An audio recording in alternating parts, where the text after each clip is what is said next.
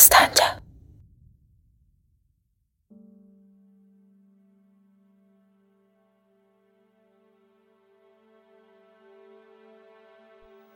Sürmə. Sizin bir suçunuz yoxdur. Qorxaq becərilmisiniz. Sizin bütün cürətinizi öldürüblə aynaya baxın. Nə qədər qocalıb sınıqdığınızı görün, dedi. Aydın, siz mənim məhəbbətə ehtiyacsızlığımı düşünürsüz? dedi. Sürmə bir daha işinin ardını tutdu. Bütün adamların məhəbbətə ehtiyacı var, deyib saçlarını ortadan ayırdı. Onları darayıb sonra, baxın, İsa Məsih kimi olmusunuz. Yalnız hamama getməlisiniz, dedi. Aydın baxdı.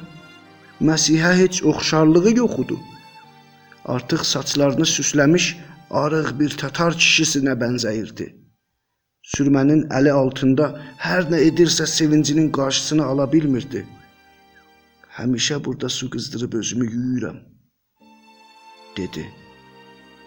Sürmə, bizim hamamımız var. Bundan sonra istəsəz bizim hamamdan faydalana bilərsiniz, dedi. Aydın önlüyü silkələdi. Sonra şəkil qaplarına sarı getdi. Sürmə, çox xoşum gəlir siz işləyirsiniz, dedi. Sürmə iş yerini dolandı. O zaman dizləri üzərində yerdə oturub zumbata çəkməyə məşğul oldu. Aydın, siz əllərinizi batırmayın, dedi. Sürmə, siz nədən həmişə qaşqabaqlısınız? dedi. Aydın, bilmirəm. Özüm də anlamıram, dedi. Sürmə, həmişə fikirdəsiz. Sanki gəmiləriniz batıb, dedi. Aydın, mən özümü keçmişlərdə axtarıram. Bizim keçmişdə bir zatlarımız var idi. İndi onlar yoxumuzdur, dedi. Sürmə, məsələn nə mənə? dedi. Aydın, bilmirəm, dedi. Sürmə, bundan sonra hər gün gələrəm deyib getmək istədiyi anda Aydının otağına baş çəkdi. Biraz taxt üzərində oturdu. Kitabların bir ikisini varaqladı. Sonra "Siz Yusif Nəccarsız?" dedi. Aydın, Sürmə xanım, dedi. Sürmə, Sürməlina, dedi. Aydın, Sürməlina xanım, sizi sevməyə mənə icazə verirsinizmi? dedi. Sürmə ayağa qalxdı. Gülümsünüb dili ilə astaca üst dodağını yaladı. İxtiyarınız var, dedi. O zaman Aydın onu öpdü. Bütün məhəbbəti ilə onu öncədən seçilmiş bir ölkə kimi mənimsəyib, sonra içəri keçdi. Şənbə sabahları şəhərdə ya da ətrafda yaşayan ermənilər bölük-bölük kilsəyə gəlib dua oxuyurdular. Nəzir niyaz verirdilər. Sonra kilsanın ağaclarla, güllərlə dolu səfalı həyətində nahar yeyib ikindi çağı qayıdırdılar. Tikintinin önü qırmızı kərpiclərlə işlənmişdi. Ortasında iki sıra iki qatlı pəncərə vardı. Giriş qapısının önündə baruç səpşi ilə iki yüksək sütun tavana qədər uzanıb, ondan üstə göyərçinlər yuva salmışdılar. Həyətin ortasında ağırlama deyə bir sütun yerdən baş qaldırıb, onun ucunda əllərini dua üçün qaldırmış bir qoca qeddisin heykəli qoyulmuşdu. Sonra kiçik bağçalar tikintini iki tərəfdən dövrələmişdi. Kilsanın qapı başında olan saat illər öncə işdən düşmüşdü. Böyük səhnin taxta qapısı sızıltıya oxşar bir səslə açılıb bağlanırdı. O qədər qulluqçudan, qoruqçudan, qapıcıdan, kilisanın ha belə Qalost Mirzayanın evinin bütün işlərini görənlərdən yalnız bir küləboy qadın qalmışdı. Şənbə sabahları mömin ziyarətçilərdən başqa əldə şey satanlar isə kilisanın ətrafında Ermənistan küçəsində, ha belə Qazran məhəlləsində basatlarını döşəyib, o xəlvət məhəllənin bütünü bir qalabalıq bazara çevirirdilər. Gündəlik və qəzetə satanlar, ləbləbiçilər, paxla satanlar, tərə satanlar, paltar satanlar, həndəvər kəndlilərin sabun düzəldənləri, uşaqların başına böyük qoyan oyuncaq satanlar, çayla darçın verən ayaq üstəki dəlləklər, bir ilin xərclərini bir gecədə müsəlman olmayanlardan çıxarmağa çalışan şəmsatanlar, küçə başında musafir gözləyən mürgülü faytonçularla doldururdular. Şənbə sabahı günlərindən başqa gahdan biri ölürdü. Ya da gənc oğlan qız evlənmək istəyəndə məhəllə bir tür ronəqə düşürdü. Qalost Mirzayan keşişin evinə fayton yollayıb sürməyə əmr edirdi keşişə, qocayana yumuşaq yemək bişirsin. O gün özü işə getmirdi. Qonaqlara çay vermək üçün Müsyo Sürənin də orada qalmasını istəyirdi. Cuma axşamı olan belə bir günün ikindisi hava isti idi. Müsyo Sürən Aydın ilə qəhvə içib danışmaq üçün onun iş yerinə getdi. Sürmənin vaxtını sürəkli Aydının yanında keçirməsini madam Yücinədən eşitmişdi. İndi Aydının nəzərini, necə bir adam olduğunu, gələcək üçün olan fikirlərini bilmək istəyirdi. Aydın neçə gün sonra buradan getmək niyyətini ona anlatdı. Bu qonunu indiyə kimi kimsəyə demədiyini bildirdi. Ancaq daha orada qalmaq dözümü tükənmişdi. Misyo sürən şaşırdı. Gedirsən hara? dedi. Aydın Tehran dedi. Nə üçün? Dərs oxuyam. Yaşayam. Başqaları kimi. Bu qovala qaçdı da bu pis durumda ağıllı bir iş olmamasını zənn etmirəm. dedi. Bəlkə də Ancaq ömrümün dörd ilini kərxana ilə iş yerində, ha belə zirzəmidə çürütdüm. Sanki qayçılayıb qırağa atdılar. Gedim görüm nə iş görə bilirəm. Missiya sürən. Mən çox lətmə görmüşəm. Bəlgələrim yanıb, şeirlərimlə əl yazmalarım otlanıb, kül olub, sanki məni keçmişdən qırıblar. Hiss edirəm hövsələsizləmişəm. Nəhayət getməliyəm dedi. Misyo sürən rahatsızlanıb nigeran idi. Bütün bunlar davranışla üzündə görünürdü. Mıxları masa üstünə töküb yenidən yığırdı. Mıx qabının qapağını bağlayıb yenə də mıxları tökürdü. Şəkil qablarını bir-birinin üstünə qalayıb yenə də çəkicə sarı gedirdi. Sinirli görünürdü. Durumum sizdən bətər olsa da sizə haqq verirəm. Mənim də yaşayışım yandı. Həyat yoldaşım öldü. Daniyal balam öləndə 1 yaşındaydı. Savaş bizi darmadağın etdi. O qədər şənliklə yaşayışdan mənə qalan yalnız sürmədir. Onun da məndən yaxşı durumu yoxdur. Ola bilir sizə deməsin. Sonuçsuz və pis bir evliliyi vardı. Toyundan 3 ay sonra əri öldü. Sonra zaman ötdükcə sürmə səlqəsi ilə zövqünü əldən verdi. Dönə-dönə əmi oğlanları, bibi oğlanları elçilik etdilər. Ancaq boyun əymədi. Biz də zora qoya bilməzdik. Yaxşı. Qaldı. İndi də vasvası olub. Kişilərə şübhə ilə yanaşır. Nə İrəvana yollaya bilərəm, nə də burada qalmağını istirəm. Hər zadı qulaq ardına vurub. Gün keçirdirəm. Budur bizim yaşayışımız. Səndən yaxşı durumda olmadığımı görürsən də. Qismətlə də savaşmaq istəmirəm, dedi. Aydın, doğru deyirsiz. Siz də yanıbsınız.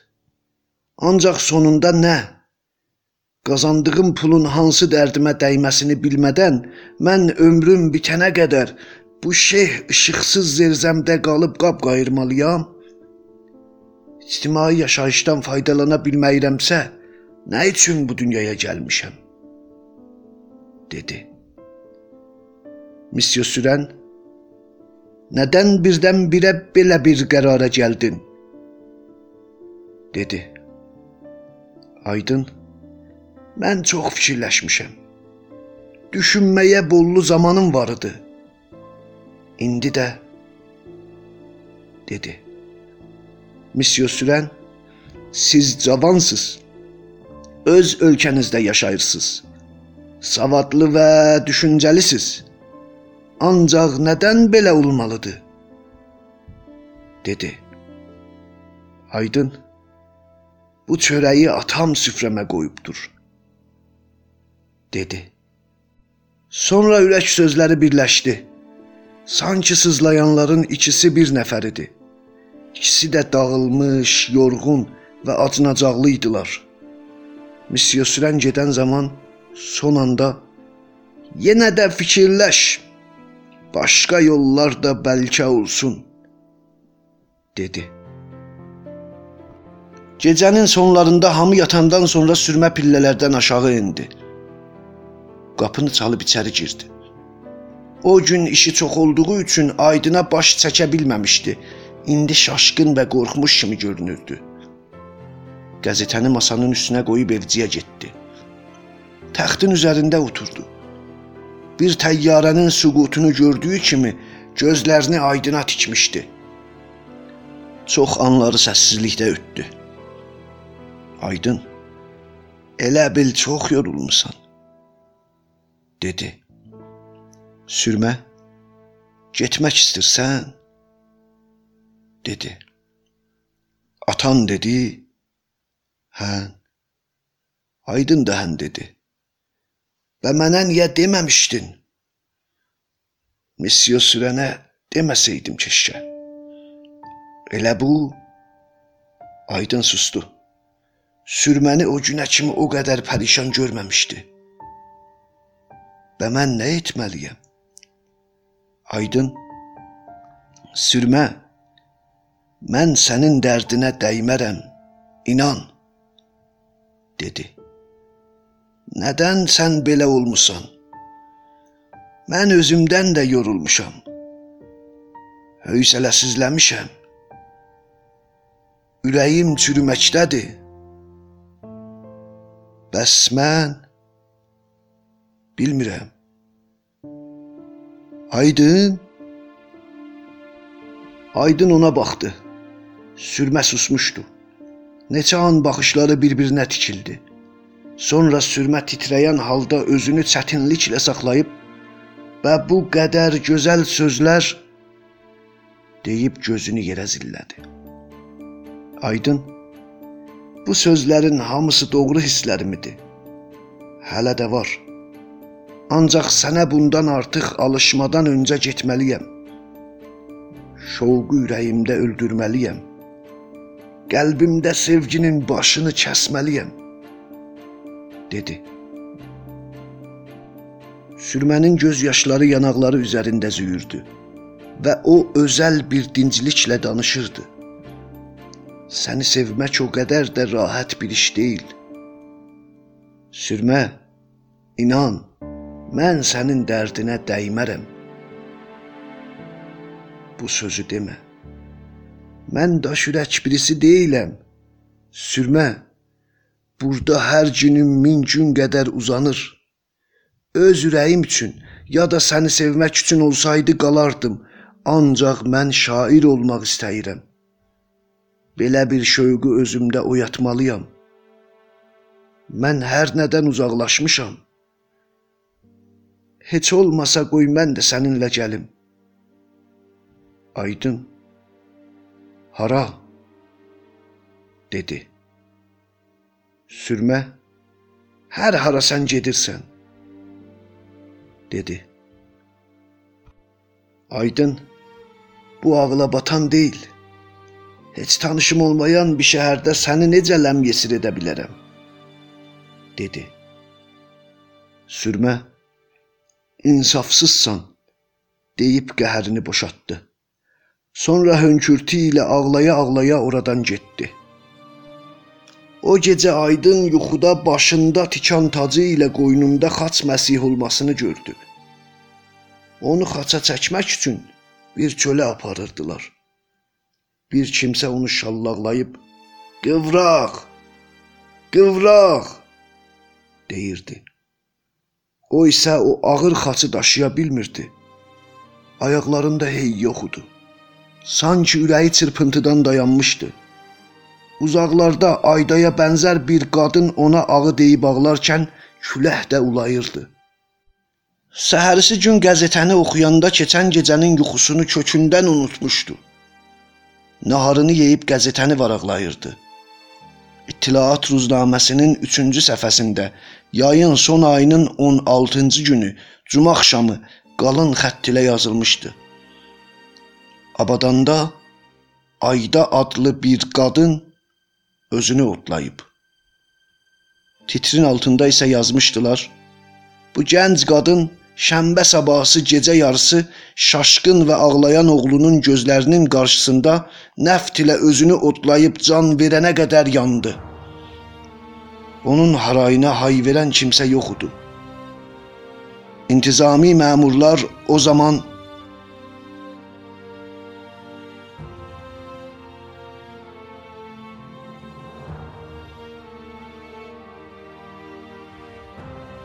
Ölülər Senfoniyası 1-ci çap. Yazar Abbas Mərufi. Çevirən Əhəd Fərəhməndi. Düzənləyən Əli Salmanzadə.